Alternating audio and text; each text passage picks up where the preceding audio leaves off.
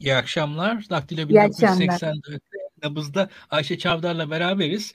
Ayşe Çavdar'ı özellikle bugün konu kaldım. Çünkü AKP'nin sağını konuşacağım. İslami kesimi benden daha iyi biliyor. En azından birebir ilişkileri olmuş birisi. Hem akademik olarak hem de gazeteci olarak. Ve AKP'nin sağı derken de birkaç aşamada ben AKP'nin sağı dikkatimi çekmeye başladı benim. Son süreçte AKP özellikle ciddi güç kaybetmeye başladıkça belli radikal fikirler yükseldi. Biz bunu ilk başta nerede gördük? İstanbul Sözleşmesi. Yani hı hı. İstanbul Sözleşmesi'ni kendi imzaladı İstanbul Sözleşmesi'ni. 10 yıl sonra tekrar karşısına geçti. Ve bu e, adım adım aslında kendi sağının kuvvetlenmesini... Gene, gene, gene dedi Hı? biz kandırılmışız diye. Hata yapmışız, Yok. kandırılmışız da. Öyle öyle. Yani, yani şimdi onu söyleyeceğim. Burada hani bir e, sağda yükselme var ve bu AKP'nin kendi sağı derken de şunu söylüyorum. Bir tarafında nostalji fikri var. Bir tarafında hmm. birazcık da İslami kesimde olan açıktan eleştiremiyorlar. Açıktan eleştiremiyor. Gerçek eleştiriyi söyleyemiyor. Yani ekonomi çok kötü denemiyor. Daha sağdan bir eleştiriyle bir öze dönüşle esasında kendi kendilerini kurtarmaya çalışıyorlar gibi de geliyor bana. Bu sağa dönüş önemli bence. Yani bununla nasıl açıkçası yüzleşilecek? Bu AKP'nin sağında olmayanlarla bu, bu insanlar nasıl diyalog kuracak o da zor. Çünkü bir ucunda ben mesela bu en son aşı karşıtlarında gördüm. Aşı karşıtlarının tabii de vardı. Oradan hani en soldan da aşı karşıtı olan var. Ona da bir şey demiyorum ama oradaki ana kitle, orada parti olarak bulunan tek parti de Yeniden Refah Partisi'ydi. Yani o da bence tesadüf. Yani orada Hı. da çünkü bir bir şekilde bir otoritenin yani şu an mevcut kurul düzeninin bir reddiyesi de var onun içerisinde diye düşünüyorum. Ya o da yani oradaki aşı karşıtı yeniden refah partilere sorsak İstanbul Sözleşmesi hakkında ne düşünüyorlar? Hemen hemen aynı şeyleri düşünüyorlardır. Bir açıkçası bir dehşetli bir kesişim olduğunu düşünüyorum orada. Bunun da çok tesadüf olmadığını düşünüyorum. Ama bir yandan da şunu düşünüyorum. Yani Ayşe mesela bu insanlara biz doğrudan nasıl konuşacağız onu da bilmiyorum. Yani burada da özellikle hatta bu yayına hazırlanırken aklımda şu vardı. Senin de eski yazarı olduğunu artık diyelim. Gazete Duvar'da Zehra Çelenk'in bir yazısı vardı. O Zehra Çelenk yazısında yine hatta sana da referans veriyordu. Tek biz yaşamıyoruz bu dünyada diye bir yazısı vardı açıkçası. O yazıda göz hizasından bakmak diye bir ta- tabir kullanıyordu. Bu e, karşısındaki insanlar hakikaten kendimizden daha aşağıda gördüğümüzde bir hani et, e, entelektüel olarak belki anlayış seviyesi olarak dünya bilgisi olarak görgü, görgüsü olarak bu insanları hani göz hizasından bakmadan da kolay kolay ikna edemezsiniz. Edemiyoruz. Yani bir tarafı da o. Çünkü gerçekten şu var. Ya aşı karşıtları var. E, yani işte o, o yapamıyorsun. E, e ne yapacağız?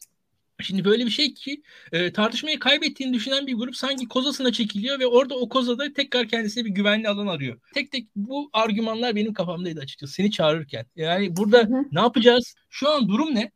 E, ve hı hı. bundan sonra da adım adım aslında bu duruma dair ne yapılabilir diye beraberce konuşalım istiyorum.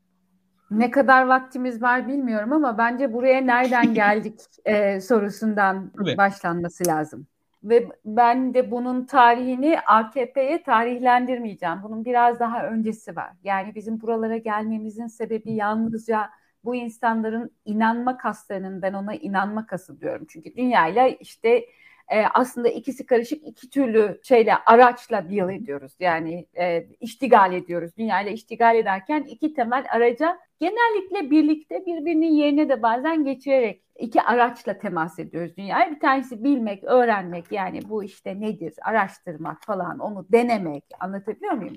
Diğeri de inanmak. İnanmak genellikle bilmediğimiz ya da bilemeyeceğimiz, bilmediğimizi bildiğimiz, hiçbir zaman öğrenemeyeceğimizi bildiğimiz o e, şeylerle yaşamanın yöntemi. Yani inanmak böyle bir şey. Böyle. Hı hı. Bir şeye inanırsın işte.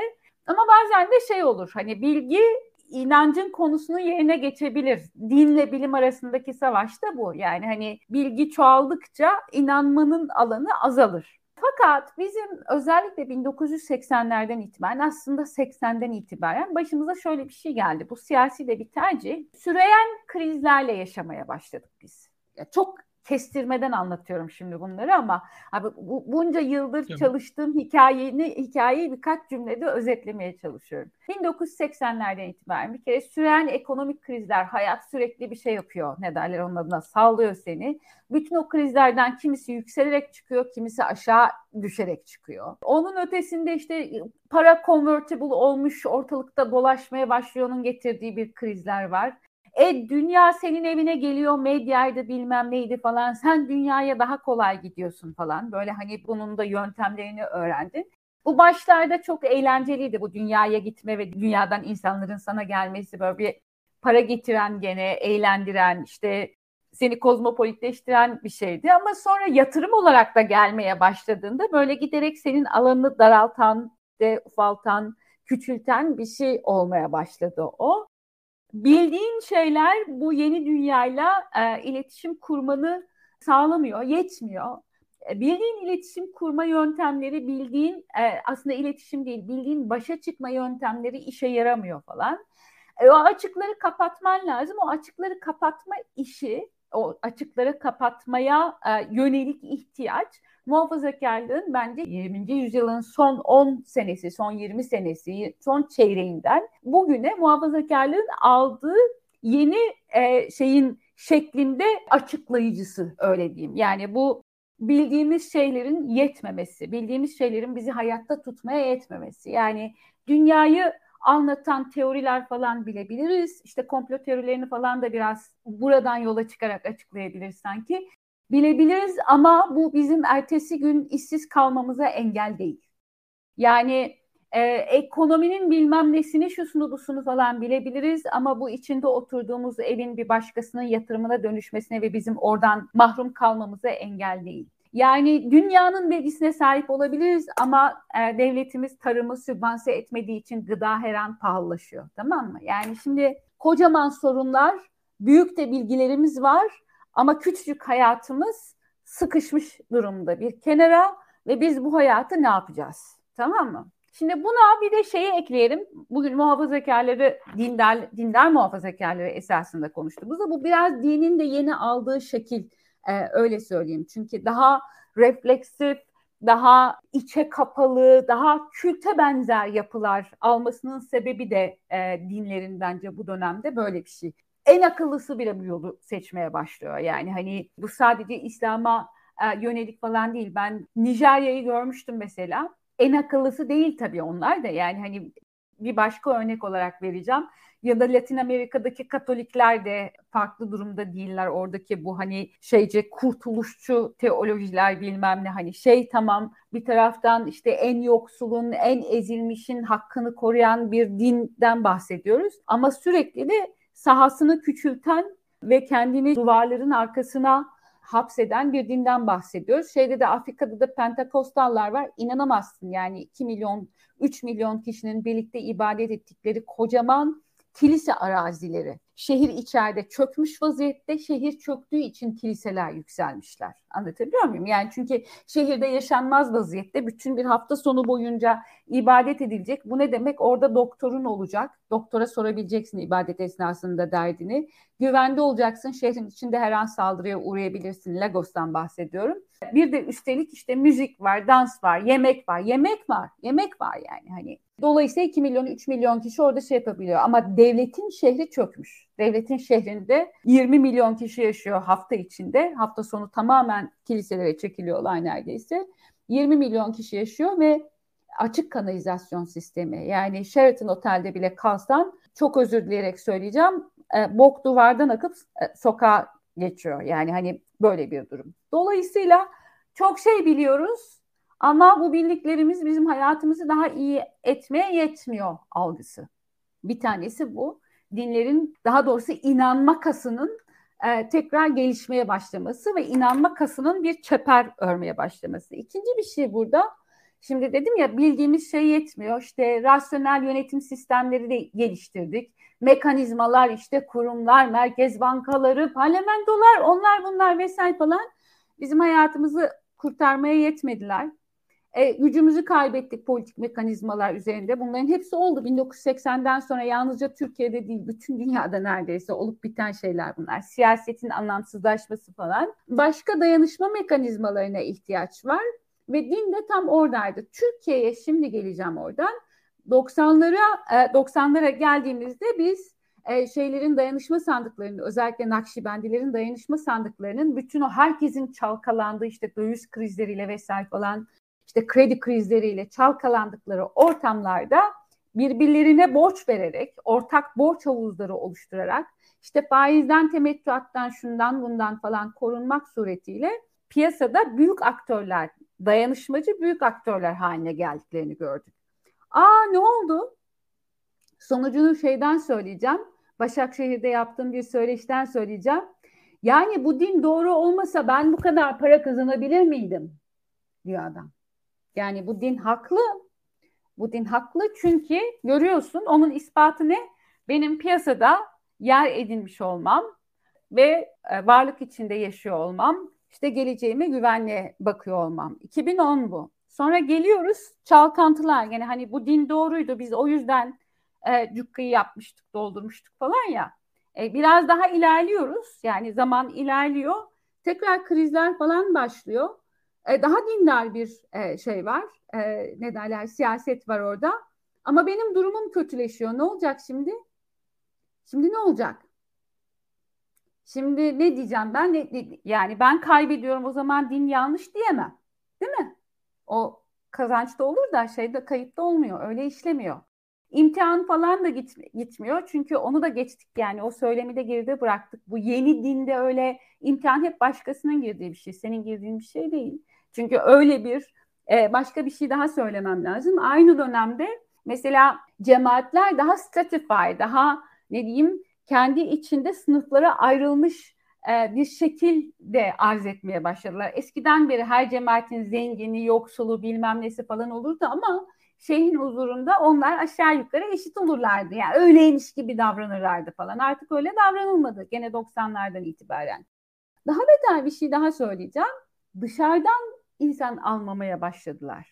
Dışarıdan gelenleri e, şeyden merkezi e, çemberlerden uzak tutan bir takım yani şöyle söyleyeyim kendi mavi kanlarını da oluşturdular. Şimdi bu kadar para felaket yaratmadan çekilip gitmez yani. Bu kadar para, bu kadar güç ille uğradığı yerde bir tarumar edecek orayı, bir, bir, bir yok edecek yani. Hani bir parçalayacak ondan sonra gidecek. Orayı da parçaladı böyle. Dışarıdan insan daha az alınmaya başladı. Dışarıdan gelenlere ha sen para için geldin çünkü bizim şimdi paramız var. Bu eski Türk filmlerindeki gibi şey der ya hani genç kadın beni param için mi seviyor, benim için mi seviyor diye bir takım sınavlar çeker şeye ya da genç erkek aynı şey onun da onun e, açısından da olabilir.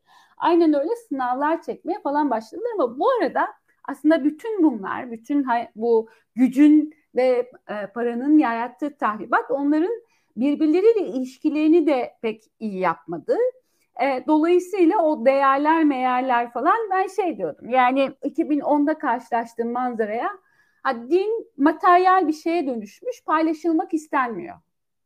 Materyal bir şey olmuş yani. Böyle sanki biz pastayı paylaşıyormuşuz gibi dini paylaşıyoruz. O yüzden mümkünse başkaları inandıklarını söyleseler bile inandıklarına inanmamayı tercih ediyoruz. Çünkü birazdan geleceğim konu en orijinal biz olmak istiyoruz. En çok pay alan biz ol- olmak istiyoruz falan diye. Buna birazdan şey diyeceğim. Benzerlerin kapışması, benzerlerin rekabeti diyeceğim. Bu her düşünceyi kendi radikal e, noktalarını, uç noktalarını çekebilecek bir e, rekabet türü siyasette çok da örneğini biliyoruz. Böyle söyleyince birden yeni bir şeymiş gibi görünüyor ama aslında çok eski bir şeyden bahsediyorum. Şimdi bütün bu anlattığım hani çok kısa anlatmaya çalıştım. Bütün bu anlattığım e, süreç öncelikle dinin bir hani bir boş gösterendi ya din biz işte ne koyuyorsak içine alıyordu. Bir kere dinin içine konulan şeyleri azaltmaya başladı. Tamam mı? Birincisi bu. Dinin içine konulan şeylerden kastım. Mesela dayanışmayı koyuyoruz gene dinin içine. Ama bu sınıf içi bir dayanışma oluyor birdenbire uygulamada. Anlatabiliyor muyum? Ya da cemaat içi bir dayanışmadan ibaret oluyor. İşte kul hakkını koyuyoruz dinin içine ama kul hakkı yalnızca cemaat içindekilerin kul hakkından ibaret kalmaya başlıyor. O bile gidiyor arada yani. Hani o bile şey yapıyor. Şimdi boş gösteren koyduk, içine bir şeyler koyduk ama içine koyduğumuz şeylerin de içi boşalmaya başladı. Tamam mı? Bağlayıcılığını kaybetti yani. Şimdi bambaşka bir şey söyleyeceğim. Ben bu Çamlıca'daki, e, Taksim'deki bir de İnce Su'da var ondan. Çok var da hani bunlar benim aklıma gelen böyle takıntı haline getirdiğim camiler. O camilere ben şey diyorum. Cami heykeli hatta meçhul mümin heykeli şey anıtı falan diyorum onlara. Çünkü e, bu tür şeyleri işte meçhul mümin anıtında olduğu gibi işte meçhul asker anıtı nedir? Ölmüş adını bile bilmediğimiz asker için orada onu hatırlayalım. O askerlerin varlığını, onların ölmüşlüğünü, bizim için tırnak içinde ölmüşlüğünü hatırlayalım diye konulan şey. Bu anıt gibi camiler bana bir şey gitmiş de onu bir görüntüye indirgeyerek hatırlatırmış gibi geliyor bana. Yani bir bir nesneye dönüştürüp hatırlatırmış gibi geliyor. Onun için yapılmış gibi bir unintentional hani gel şey değil onu intent etmiyor. O gerçekten büyük ve içinde e, ibadet edilen bir cami yapmak istiyor. Ama cami öyle bir kontekste ve öyle bir yöntemle yapılıyor ki o anıta dönüşüyor. Tamam mı? Söylemeye çalıştım biraz buna benziyor. Yani din görünürleştikçe onunla ilgili iman performansı da daha çok görünürleşmek istiyor. Ha, nasıl ispat edeceğim? Şimdi bu şey gibi e, ben yine babaannemle falan konuşurken böyle şeyleri çok babaannemle konuştum ben. Çünkü Allah bana çok büyük bir şey nasip etti. Ona Kur'an'ı ben öğrettim. O yüzden de e, bir sürü şey hakkında onunla konuşma ayrıcalığım oldu. Çok kendini yetiştirmiş bir hanımefendiydi. O şey derdi. Yani imanını ispat etmek isteyenin kendinden şüphesi vardır. Yani konuşuyoruz işte. O öyle ispat etmek istiyor, bu böyle ispat etmek, Allah'ın varlığını ispat etmek istiyor falan. Sürekli bir ispat, ispat, ispat durumu. Ben de tabii kafası karışık bir lise öğrencisi ve ergen olarak sürekli bir şeyler soruyorum tamam mı? Ama en en güzel söylediği şeylerden bir tanesi bu. Sürekli ispat çabasında olanın kendinden şüphesi vardır. Tamam mı? Şimdi bütün bu e, performansları kendisiyle ilgili şüpheyi bir de kendisinin içindeki şüpheleri giderme gayreti olarak okuyabiliriz. Dolayısıyla hani bir böyle gelindiği bir yer var. İkincisi de istersen bir ara vereyim sen bir şeyler sor. İkincisi tamam. de bu benzerlerin rekabeti dediğim hikaye o da bir diğerine kendisinin o materyal şey dedim ya o materyal şeyde daha fazla hakkı olduğunu ispat etmek için de radikalleşiyor ve iman demirden bir çekirdeğe negotiate edilemez, müzakere edilemez bir şeye dönüşüyor. Baya e, çok şey söyledin ve hakikaten de insanın hakkında da çok fazla şeye şekilde yankılanıyor bu söylediklerin. Yani bir defa gerçekten camiler yani basitçe söyleyeyim. Ya birçok kampüste şu an yeniden camiler yapıldı e, ve birçoğu da en çok görünen yerde. Aslında en olması gereken yerde değil. Yani kampüsün kapısının girişine yapıyor. Ya hani adam hani kapıdan gir fakülte içeride. Ya çocuk açısından daha zor aslında ama kapının girişine yapıyor camiyi. Çünkü herkes görsün biz bu üniversitede cami var densin diye. Ya bir defa Dert teknik ibadet olarak değil ki. Dert ibadet değil orada yani. Hani ya teknik olarak en görünen yere yapılıyor camiler. Mesela ben Hı-hı. hani İzmir'de falan da biliyorum. Bayağı büyük büyük camiler yapılıyor şu anda. Hı-hı. Yani Türkiye'nin muhtemelen en CHP'li mahallelerine falan dev camiler yapılıyor. Ya o fantastik hareketler. Yani kim ibadet edecek onu da bilmiyoruz ama muhtemelen edecek birileri bulunur diye umuyor ama pek bulunmayacak ki Zaten şöyle bir şey var. Ben ciddi çaresizliği yani bir yandan da şu vardı. İstanbul Sözleşmesi'nden çıkıldığı sırada birçok seküler aydın gayet umutsuzdu. Ama bir yandan da iki kişi vardı. Ben dinlerken hakikaten de aslında ülkede başka bir hikaye oluyor anladım. Biri sendin, biri de işte evine uçaktı. Ya birazcık İslami kesim bilen kadınlarla konuştuğunuz zaman aslında olan bir tane şey bambaşka bir şey. Yani şu anda gördüğünüz şey yani tamam kötü bir şey de yani asıl Türkiye'deki hikayeyi bu anlatmıyor yani. Böyle muhafazakar değil yani bambaşka bir şey oluyor. Orada başka bir alanda dev bir yenilgi var. O dev bir yenilginin sonucunun sonucu saçma sapan bir şey karşımıza çıkıyor. Yani ortada aslında hani e, bir o, e, o dediğin gibi heykel camilerin dikilmesinden farklı bir şey de değil benim gözümde. Yani o İstanbul Sözleşmesi'nden çıkılması. Ortada başka bir hikaye var. Başka bir şey oluyor. Orada bambaşka bir hareket yapıyor karşı taraftaki. Ki çünkü adını koymak zor. Koyamazsın. E, orada da e, yaşanan şey buydu. Yani ben orada hakikaten o İstanbul Sözleşmesi zamanında biz de bayağı yayınlar yaptık. İşte belki senle de yapmışızdır. E, ama orada hakikaten asıl hikaye yapmadık ama ya ben hani senin dediklerin ve Emine Uçan dedikleri. Yani orada genel olarak şey yani o kesimden kadınlarla konuşmuş insanlarla konuştuğunuz zaman bambaşka bir şey anlatıyorlar size. O zaten farkı ortaya koyuyordu. Yani ya orada aman tanrım layık Kadınlarla da gençlerle de İlkan sadece şey de değil. Hatta şöyle söyleyeyim sana 50 yaşın altındaki erkeklerle konuştuğun biraz biraz muhabbeti ilerlettiğin zaman kadınlarla gençlerle 50 yaşın altındaki erkeklerle konuştuğun zaman biraz böyle muhabbeti ilerle, ilerletip de ya arkadaş yeme beni falan diye başladığın zaman mevzuya yani hani hı hı. hafiften o kadar da değil yani bilmiyor değiliz falan demeye başladığın zaman karşılaştığın hikayeyle bu kendinden emin ve e, sadece kibirli değil aynı zamanda mü, yani sadece mütekebbir değil aynı zamanda müstekbir yaldızın hemen altında neyin olduğunu görüyorsun ve bunu bunu sizin programda söylemiştim galiba Burak da vardı. Asıl ateş evde, yangın evde olduğu için yani kadını kaybediyor, çocuğu kaybediyor, sadece kızını kaybetmiyor. Çünkü kızını kaybetmenin şöyle bir şeysi var ya. Kız diyor ki ya ben artık sizden değilim, sizin gibi düşünmüyorum. Ay bu kafayı yedi falan diyorlar. Aynen böyle böyle. psikiyatrik vaka olarak görülmeye başlandığı durumlar da var. Ay bu gitti bunun kalbine şeytan girdi bilmem ne vesaire falan. Ama erkek çocuklarda ben artık yokum e, demeye başlıyor. Hani şey değil. Dolayısıyla nesil sürecek mi? Aktarılacak mı? Ona ben e, şey demeye başladım e, bir, bir 4-5 aydır.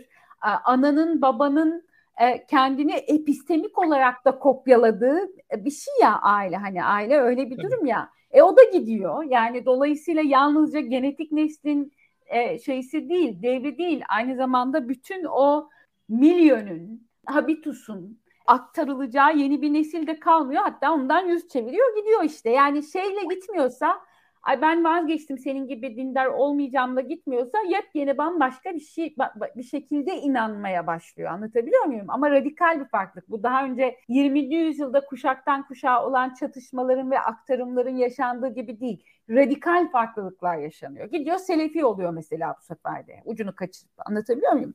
Şimdi bu, bu tür durumların yaşandığı bir yerde her şeyden önce şundan emin olabilirsin. Toprak kaymış Toprak çok fena kaymış. Yani zemin kaymış, üstündeki haneler kayıyor şimdi. yani orada bir hercümerç var. E, tutunacak yer arıyor. Ne, nereye tutunacak? İşte o yüzden tepelere yapıyor anıtlarını. Yani görünüre tutunacak. Yani neyi görüyorsa o. O da yetmiyor. Çünkü o toprak kayınca olacak iş değil yani. Gitmez.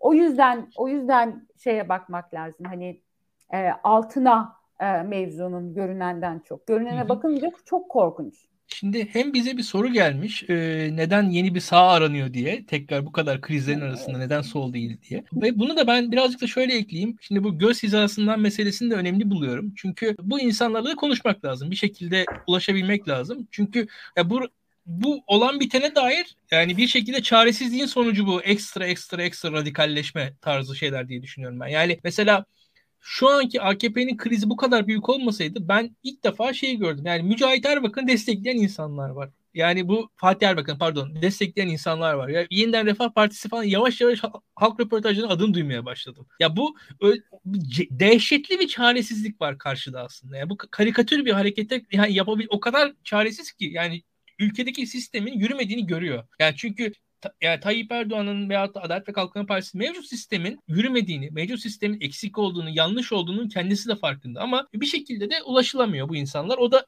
artık karikatür bir hal alıyor. Yeniden Refah Partisi'ni desteklemeye başlıyor. Yani o kadar çaresiz ki bir yandan da onu gösteriyor bence. Ki ben daha öncesinde de şu vardı mesela Berat Albayrak'a karşı yoğun tepkiler de hani o da gerçek bir tepki değil. Onlar sistemin yürümediğini biliyorlardı. O yüzden bir anda Süleyman Soylucuoğlu verdi. O da gerçek bir şey değildi o anda. Bir anda bambaşka yok verdi o insan. Yani şu anda mesela biz diyoruz ya ekonomi kötü. Yani Adalet ve Kalkınma Partiler de biliyor ekonominin kötü olduğunu. Yani onlar farklı bir marketten alışveriş yapmıyorlar yani. O kadar e, şey değil. Siz yürümeyenin herkes farkında aslında. Burada peki nasıl diyalog kurulacak? E, bence bu önemli ki şöyle bir şey var. Yani bir şekilde hani diyalog kurulacak falan da diyorum da yani gerçekten de şu var hani hani bir yerden sonra belki de hani bizler onlar falan da dememek lazım. Yani ge- geçen ben onu hep söylüyorum. Yani bir yandan da hani İslami kesimi daha iyi biliyorsunuz falan diye sana da referans veriyoruz ve falan da bir yerden sonra şeye döndü olay. Yani böyle Ant dağlarındaki kabileden falan bahsetmiyoruz yani normal insanlar bunlar. Ha, komşularım. Ben de, ben de onu diyeceğim İlkan. Şöyle bir durum var bence şey düşün bırak şeyi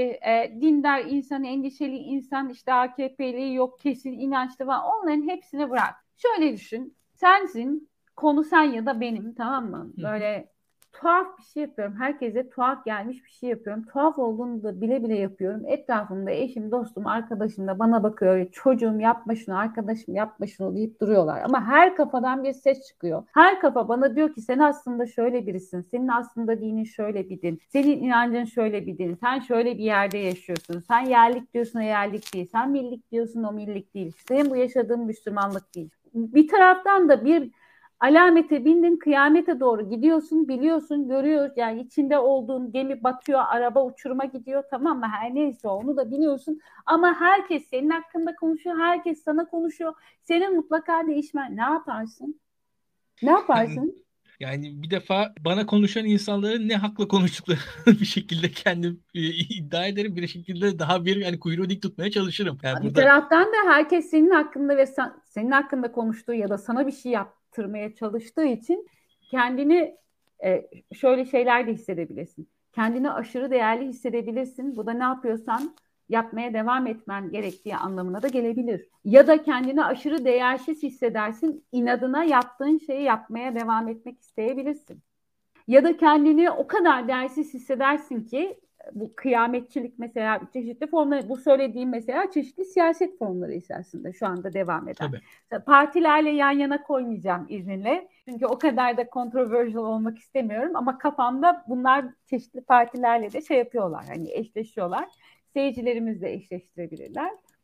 Ee, dediğim gibi bir kendini çok değerli bulabilirsin ve o yüzden ne yapıyorsan yapabilirsin. Bir kendini çok değersiz bulabilirsin. Kimse benim aklım olduğuna inanmıyor falan diyerek gene yaptığın şeyi yapabilirsin. Tamam mı?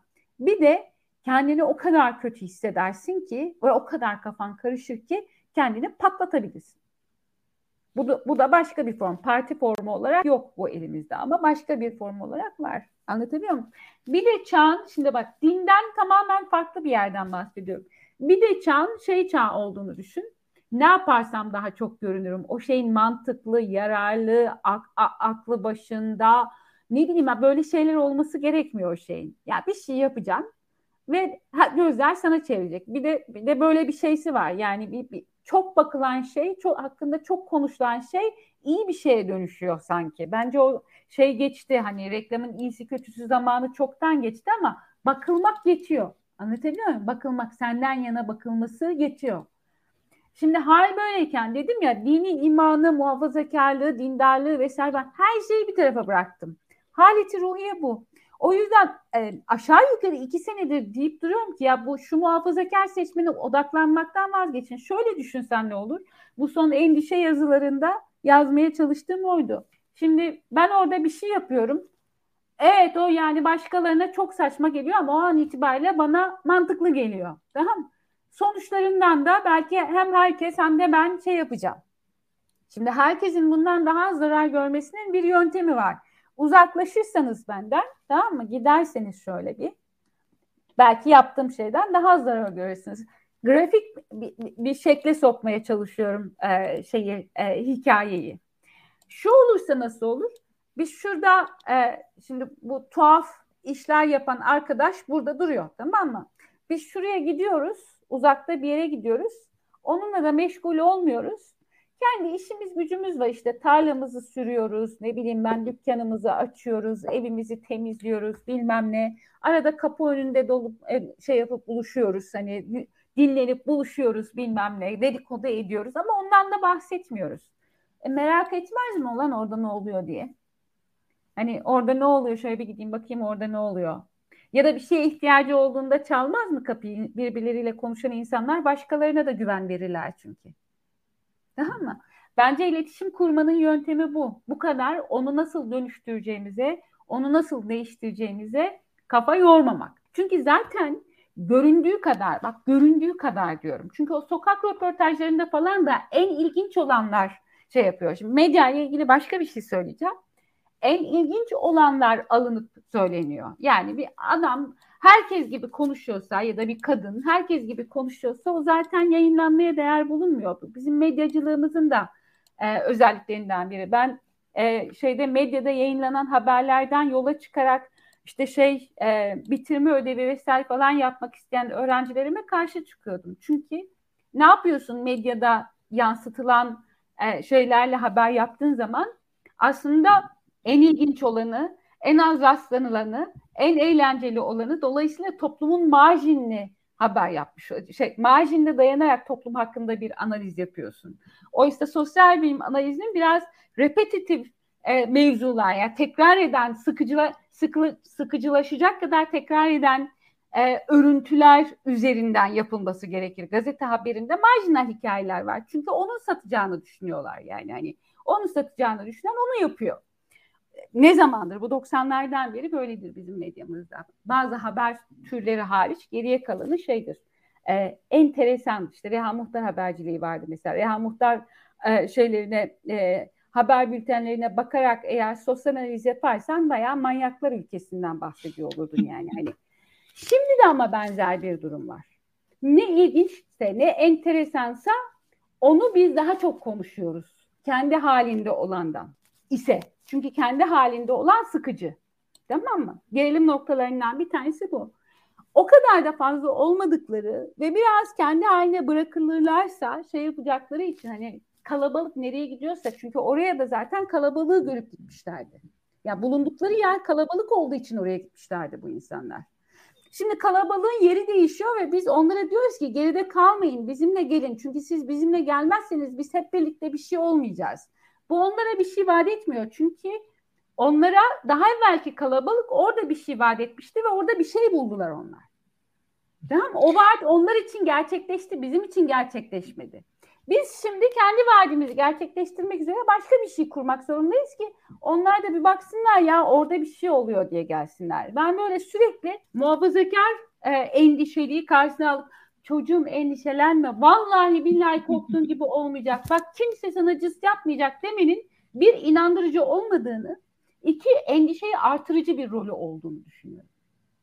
Öyle bir şey ki benim aklıma da şey geldi hatta. Mesela bir kitap vardı. Astrolojinin ne kadar bilimsel olmadığını anlatıyordu. Evet. Yani şunu, şunu düşünüyorum. Hani bir kitap okuyup astrolojinin bilimsel olmadığını o kitabı okuyarak anlayan birisi var mıydı acaba? Dünyada bir kişi falan o kitabı okuyup aa demek bilimsel değilmiş. Ben artık inanmıyorum. Hani... Astrolojinin numarası da bilimsel olmak değildir zaten. Yani. ya, Olayı o değil Şimdi öyle bir iddiaya zaten sahip değilken evet. astroloji ne kadar bilimsel değil diye kitap yazmanın hiçbir şeye faydası yok. Ya yani şimdi bu öyle bir şey ki e, neyin e, bir çabayla yani sonuç arasında hiçbir ilişki olmayabiliyor. Katılıyorum dediklerine ve ya ben de orada yine kendi referans verdiğim yazıya döneyim. Yani orada bir defa hani göz hizasından konuşulmadıktan sonra konuşulmanın konuşmanın da alemi yok bir defa. Ama göz hizasında şöyle bir durum var. Göz hizasından Hı. konuşmak bazen de konuşmamak olabilir.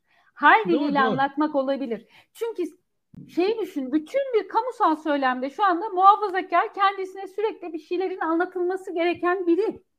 Bu bir kere göz hizası falan diye bir şey olmadığını gösterir.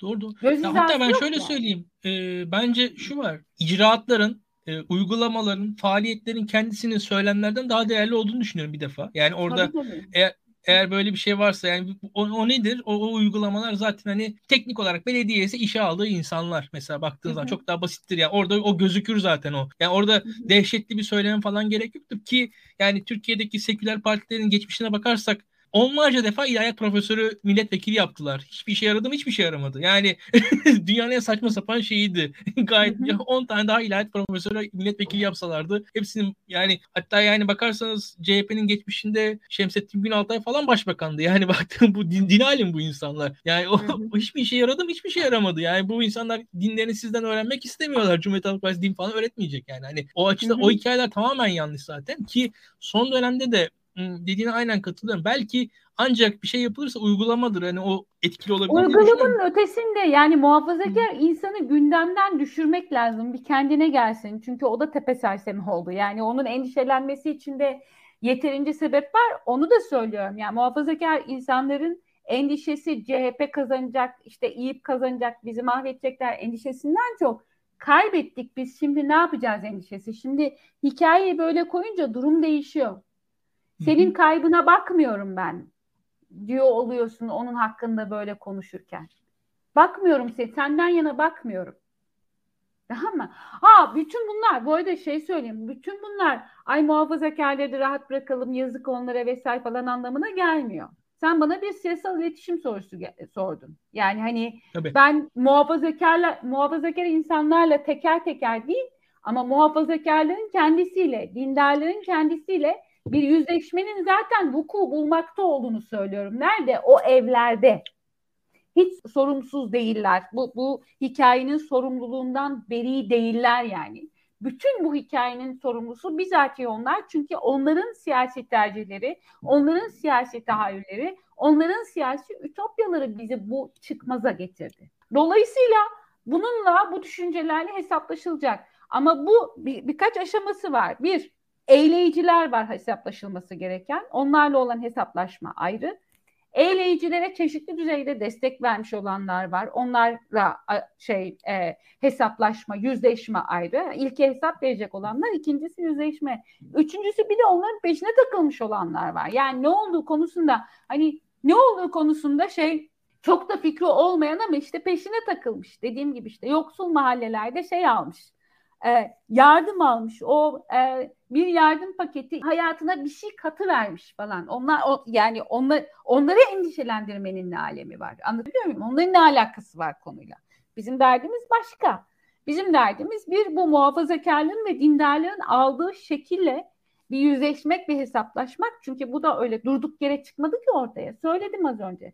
Belli bir e, toplumsal, siyasi ve hatta küresel e, bağlamın bir çıktısı. Türkiye'ye özgü bir çıktı da değil. Yani Trump seçmenleriyle ne yapacağız şimdi? Yani Trump seçmenleri nereden çıktılar?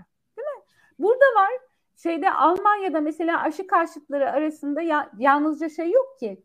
E, AFD'ciler yok ki. Punklar da var. Bir sürü solcu şey de var. Aşı karşıtı da var. Yani e, bunlar e, oradan baktığımızda bunlar böyle kendiliğinden ortaya çıkmış hiç kimsenin payı olmayan bu insanlar uçuk kaçık ve akılsız oldukları için ortaya çıkmış işler değiller ki. Muhafazakarlık da gene yazmaya çalıştım. Duvardaki son yazımda. Ne yazık ki. Ee, muhafazakarlık da bir savunma e, pozisyonunda ne zamandır? Zaten bir savunma pozisyonu. Muhafazakar diyoruz ya. Muhafaza ediyorsa ne demek? Bir saldırı var demek. Yani hani bir şeyi muhafaza ediyorsan değil mi? Saldırı var. Zamandan sal, e, saklıyor olabilirsin. Gözlerden saklıyor olabilirsin. Ya hafaza kökünden geliyor ya, hıts kökünden. Hı hı. Zaten içinde bir ezberi barındırıyor. Yani bir şeyi olduğu gibi, bir temrini olduğu gibi tekrarlayarak saklamayı da çağrıştıran bir şey. Dolayısıyla demek ki bir şey var. Hani bir, bir şey görüyor. Bir survival strateji yani. Bu kadar yükselmesinin sebebi muhafazakarlığın bence sebebi survival konusunda yalnızca Türkiye'de değil dünyanın her yerinde bir survival endişesine kapılması insan evlatlarının. E, hal böyleyken bu muhafazakarlıkla yüzleşmek, hesaplaşmak dediğim şey sadece Türkiye'deki işte dindarla, tarikatçıyla, şunla, bununla karşı sen bana bunu yaptın demek değil ki sadece. Ya açıkçası tüm dediklerine baştan aşağı katılıyorum. Hatta bunları e, daha fazla insanın takip etmesi gerektiğini düşünüyorum. Hatta bir de şöyle bir şey daha da diyeyim e, kendimce. Şimdi mesela aşı karşıtlarının üzerinden bu noktaya geldik. Mesela senin anlattığın o 1980 sonrası neoliberal çalkantılar üzerinden de e, bakılırsa orada insanlar bayağı umutlandılar. İyimser olarak herkes yaklaştı. Mesela tekno iyimserlik dediğimiz şeyler vardı. İnternet gelecek, her şey çok güzel olacak falan diyorduk biz. Hı hı. Pek de öyle olmadı. E, onun neticesinde bir de şu var. E, son evet hayatımız yıldır... hayatımız diskoya benzemedi. yani son iki yıldır yaşadıklarımıza bakalım bir yandan da. E, teknik olarak mesela uzmanlar nasıl sınav verdiler pandemi sırasında? Yani sürekli açılalım, kapanalım vesaire. Hiç insan diye bir varlık olduğunu bile göz al yani dikkate almadan binlerce laf edildi. Ve onun sonunda da yani bu uzmanların yaptıklarını dikkate almadan yani bakılırsa bu kadar insan aşı karşıtı olması belki de az bile oldu yani. Ben onu söylüyorum. Bu kadar saçma sapan. Ben orada sana katılmayacağım İlkan. Hı. Çünkü şöyle bir durum var. Bilim de biliyorsun farklı ve rekabet halindeki şeyler, approach'lar, yaklaşımlar demek. Hı. Onlar ay şunu yaptılar, bunu yaptılar, bir öyle dediler, bir böyle dedilerden çok bana şöyle gibi geliyor. Yeni bir fenomen var ortada. O yeni fenomen hakkında e, yani milyonlarca saatlik araştırma yapılıyor eş zamanlı olarak ve bu araştırmalar eskiden şimdi aşının bu kadar hızlı bulunabilmesinin sebebi neydi? Tabii, Bunu Aysu da anlatmıştı bizim bir programda. Dünyanın her yerinden binlerce laboratuvardaki binlerce bilim insanı sürekli olarak sadece bu konuyla çalışıp sonuçlarını paylaşıyorlar. Yani normalde 20-30 yılda yapılması gereken şey birkaç ayda bu sayede yapıldı. Daha az çalışıldığı için değil, bilgi daha hızlı proses edildiği için ve daha çok insan tarafından daha çok kaynakla proses edildiği için bu mümkün oldu bu kadar hız. Demek ki olabiliyormuş gördük. Ama biz 20 yılda yaşayabileceğimiz ya şunu şey olsaydı mesela hani bu böyle bir düzenek olmasaydı mesela 5. yılında bulacaktık biz ilk hatamızı ikinci ayda bulduk tamam mı? Ee, ya da 10. yılda bulacaktık ya aslında yüzeylerden e, şey yapmıyormuş ne derler bulaşmıyormuş hikayesini 6. ayda bulduk. Anlatabiliyor muyum? Şimdi buna da bir bakmak lazım. O da öyle uzmanlar şöyle dediler, böyle dediler, bir, bir türlü bir karar veremediler durumu değil. Çok hızlı işleyen bir bilimsel proses vardı ve çok ortaklıydı o. Ha şunu dersen anlarım. Bu proseste bilimin bu kadar hızlı kendini test edip kendi hatasını bulup bunun iletişimini yapması vesaire falan. Bu ayrı bir şey. Bu Buna siyaset ayak uydurabildi mi, uygulayıcılar ayak uydurabildiler mi dersen, hayır uyduramadılar. Bilim mutlak doğruydu demiyorum. Diyorum ki bilim bilimliğini yaptı. Çünkü bilim deneyseldir değil mi? Mevzumuz bu zaten. E yeni bir fenomen çıkmış. Bir sene içerisinde bin tane deney yaparak bin tane farklı yaklaşımla onunla ilgili bin tane farklı hipotez üretiyorsun ve onları da denemeye devam ediyorsun. Bilim bilimliğini yapıyor yani. Olay o. O, orada bilimliğini yapıyor. Bilimin ben sana kesin bir şey söyledim diye bir şeyi yok zaten. Ne derler onun adına? İddiası yok ki zaten. Peki o hızlı prosese, bilimin kendini bu kadar hızlandırmasıyla bunu John Zerzan diye anarşist bir e, yazar var. E, öldü birkaç yıl önce Eugene'de bir çiftlik üniversitesi vardı. Onun bir lafı vardı. Üniversite bilgi üretim sürecini hızlandırmak değil, yavaşlatmak içindir der. Üniversite karşıtıdır John Zerzan. Sebebini de söyler. Der ki hiçbir toplum kendini bilimin kendini yenileyebileceği hızda yenileyemez. Eğer bilimin hızını e, şey, bilimin hızına göre toplumu ayarlamaya çalışırsan olacak şey toplumun kendini paramparça etmesidir. Yani bir tür hani hız testi gibi düşün. Şey patlaması hani e, yok olması. Çünkü o hızda hiçbir şekilde toplumun kurumları değişmeyecekler. Şimdi bizim bence karşımızdaki fenomen aşı konusunda buydu. Dediğim gibi bilim bilimliğini yaptı ama ne toplum, ne siyasi kurumlar, ne mekanizmalar zaten imkansızdı. Buna ayak uyduramadılar. Bizim bundan bir ders çıkarmamız lazım. Ortaya da iyi bir manzara çıkmadı. İyi bir imkan da vermedik bu arada. Yani bilim kendisinin uygulamaya dönüşmesi aşamasında söz sahibi olmadığı için bu imtihandan bir kere şeye kaldı, bütünlemeye kaldı, direkt bütünlemeye kaldı. Demek ki orada göz önünde bulundurması gereken bir şey daha var, bir konu daha var. Yani şunu diyemez bilimde. Ben testimi yaptım, ürünümü çıkardım, işte hipotezimi koydum oraya. Kardeşim siyasetçiler de uygulasalardı diyemez. Demek ki siyasetçilerle kurulan ilişkilerin de yeniden düşünülmesi lazım. Ama bunlar yeni sorular. Biraz da erken sorular bu arada. Dolayısıyla oradaki hikayeyi ben e, şey olarak bilime tepkiye dönüştürülmesinin bir kere bir bayağı bir sorunlu olduğunu düşünüyorum açıkçası. İkincisi evet iyi bir sınav vermediğimiz için aşı karşıtlığının da aşı karşıtlığının değil ama aşı endişesinin de haksız olduğunu düşünmüyorum. Orada yani, e, konuşulacak şeyler var ama konuşacağımız şeyler bunlar. Ortak problemlerimiz. Sen şimdi aşı olmayınca şunlar şunlar olacak demek insanları gene ikna etme e, gücüne sahip değil bence. Ayşe açıkçası Zerzan'a referans verince sen korktun ben yani açıkçası. Niye? Bilmiyorum Niye? o ilkel deneme derecesi. Aa, yok o müthiş bir şeydir. Ee, beni a- antropolojiye yönelten temel metin de John Zerzan'ın gelecekteki ilkeli. Çünkü orada çok güzel bir zihinsel egzersizdir tarımın ortaya çıkışıyla toplumun örgütlenmesini anlatır ve neden bizim özgürlükçü olamayacağımızı anlatır. Yani hani hı hı. özgürlüğün sınırını anlatır. Ben mesela o kitaptan şeyi öğrendim. En büyük özgürlük kendi yiyeceğini üretebilmektir. John Zerzan gelecekteki ilkelde tarıma uf Allah belanı versin. Hep bütün evet. belaları başımıza sen açtın demesine rağmen çok benim distopya yani. evet ama şey Dark Side of the Story yani. Hani öyle bir şey de var. Shadow, gölge, gölgemizi anlatıyor adam. Anarşistler böyledir ya. Vallahi yani, hani öyle. Açıkçası Zerzan referansı hakikaten beni de biraz bir afallattı. Çünkü e, buradan tavsiye edelim bizi izleyen gençlere. öyle söyleyelim. Kesinlikle. Okusunlar. Farklı perspektifler bulabilirler. Hatta şöyle söyleyeyim. E, herkes Sapiens falan okuyor. E, Zerzan okusunlar, oradan girsinler Kesinlikle. o işlere. Kesinlikle. Daha da enteresan bir noktaya kendileri varabilirler diyelim. Kesinlikle ve görebilecek çok şey var. Zerzan e, mesela umutsuz biri değildi. Üniversite karşıtı olmakla beraber çiftliğini bir üniversite şeklinde örgütlemişti. Yani anarşist şeyde pratikler içerisinde böyle şeyler bulursun. Şeyi reddetmez olduğu gibi. Kavramı ya da kurumu olduğu gibi reddetmez reclaim eder. Böyle olmaz der. Bunu böyle yapmazsın, yapamazsın. Çünkü senin temelin yanlış. Orada da onu söylüyor zaten. Senin temelin yanlış.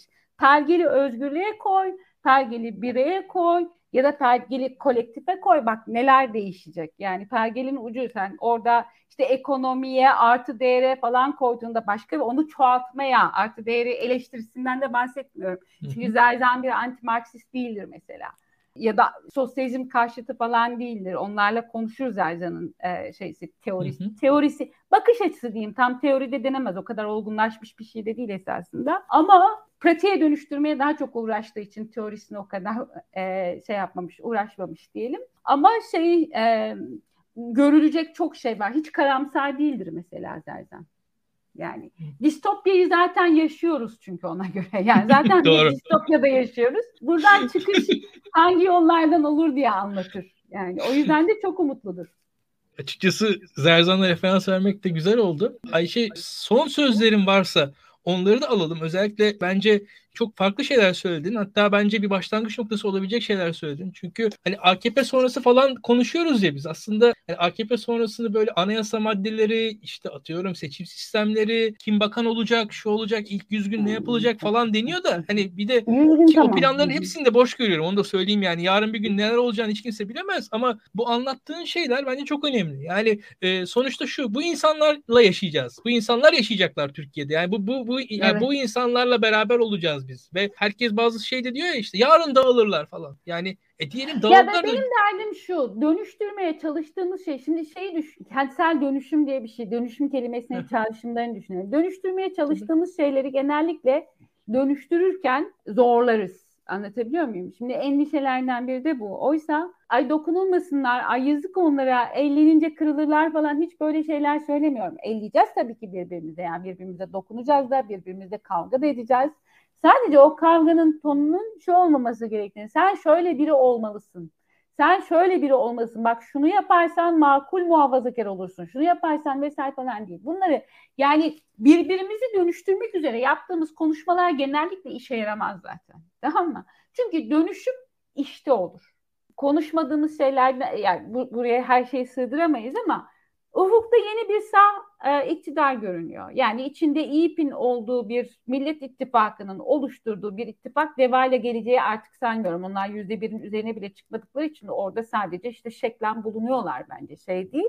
Bulunmaları gerektiği için bulunuyorlar. Yani ne gönüllü ne gönülsüz bir bulunma o. Bulunmaları gerektiği için hani tarihsel olarak bulunmaları gerektiği için. Bir sene önce başka söylerdim. Çünkü bir sene önce hala bir ittifak potansiyelleri vardı ama onun olmadığını gördük. Yani bir ittifak oluşturma potansiyelleri olmadığını gördük. Siyasetin dışına ittiler kendilerini böylece bir şekil. Kendi kimliğimizi, markamızı oluşturacağız falan derken hakikaten marjinalize oldular. Ama bir şekilde orada olmaları gerektiği için oradalar. Yapacak bir şey yok. Tamam yani hani bu böyle. Orada bir sağ ittifak olacak. Ben şöyle söyleyeyim. Ben başörtüsü sorunun bir daha gelmeyeceğinden e, Türkiye gündemine neredeyse eminim. Bunu da CHP ya da Kılıçdaroğlu'na güvendiğim için söylemiyorum. Seçmene, kadın hareketine güveniyorum her şeyden önce. Buna izin vermeyecektir kimse. Yani hiç, hiç şey değil. Her şeyden önce kadın hareketine güveniyorum bu konuda. Öyle söyleyeyim bunun garantili. Bir de en azından kısa vadede Meral Akşener böyle bir şeyin olmasına mümkün değil izin vermeyecektir. Çünkü onun kendisine kendisi için koyduğu e, siyasi hedefle bu örtüşmüyor, bu konuşmuyor. Yani hani mümkün değil böyle bir şey onun. Kısa vadeden bahsediyorum. Uzun vadede başka bir şey. bir de endişe konusu geldiğinde soracağımız sorular kimseye işini öğretmek gibi falan bir derdim e, yok elbette. Ama bir öneri olarak şunu söyleyebilirim. Gazeteci ya da araştırmacı her kimse sorduğu soruyla sadece mevcut herkesin gündemi değil, soru sorduğu kişinin gündemini de belirliyor ve as- aslında cevabın da yarısını vermiş oluyor. Ben bu ara endişe konusunda e, şeyi sorma, sormayı tercih ederim o yüzden. Yani hani bir kamusal bir iş olarak. Ortak endişelerimiz hakkındaki endişelerin. Yani ekonominin gidişatından niye endişelenmesin? Muhafazakarın tek endişesi başörtüsü mü? Muhafazakarın tek endişesi şey mi? İmam Hatip mi? İmam Hatipler konusunda şöyle söyleyeyim. Muhafazakar ailelerdeki çocukların en büyük endişeleri hakikaten İmam Hatip. Çünkü çoğu İmam Hatip'e gitmek istemiyor. Dolayısıyla da İmam Hatip onları ciddi bir biçimde endişelendiriyor. Yani o o hikayeyi çok yakın takip ettiğim için biliyorum. Ya sadece kız çocukları da değil, erkek çocukların da endişesi. Çünkü İmam Hatip başka bir şey demek. Bir damgayı yemek demek. Çocuk akıllarıyla bile gelecekte o İmam Hatip'in sırtlarında başka türlü bir damga olarak kalacağını, sırtlarında bir yük olarak taşıyacaklarını biliyorlar. İmam hatipler işlere, işe girmeyecekleri için falan değil. O dönem geçti. İmam hatipler gene işe girecekler elbette. Ama sonuçta Tayyip Erdoğan'ın başarısız dindar nesil projesini sırtlarında taşıyacaklar o çocuklar. Anlatabiliyor muyum? Ve bunu içgüdüsel olarak hepsi biliyorlar. O yüzden de mesela onların endişesi o. Muhafazakarların ortak endişelerimize dair hiç mi söyleyecek bir şeyleri yok? Onlara bunları sormak lazım mesela. Anlatabiliyor muyum? Onlarla bunları konuşmak lazım. Ay canım senin neyin var ya da ay sen de muhafazakarsın. Tabii ki bunun için endişeleneceksin. Bu ikisi de ikisi aynı anlama geliyor esasında. Ben ya da sen biz olduğumuz için sahip olduğumuz endişeler. Yani ben ben olduğum için, sen sen olduğun için sahip olduğun endişeler. Biz yan yana geldiğimizde bir de ortak endişelerimiz var değil mi?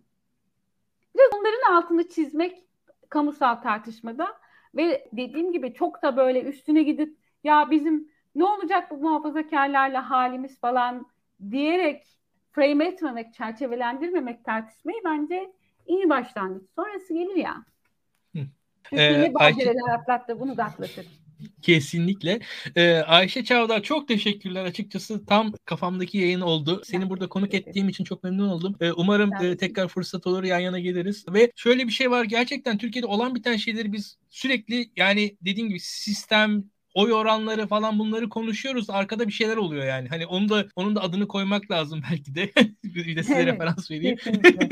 ee, çok çok teşekkürler. Yayınımızı beğenmeyi, paylaşmayı unutmayın arkadaşlar. Bugün Ayşe Şavdar'laydık. Haftaya da yeni bir konukla beraber olacağız. Görüşmek evet. üzere.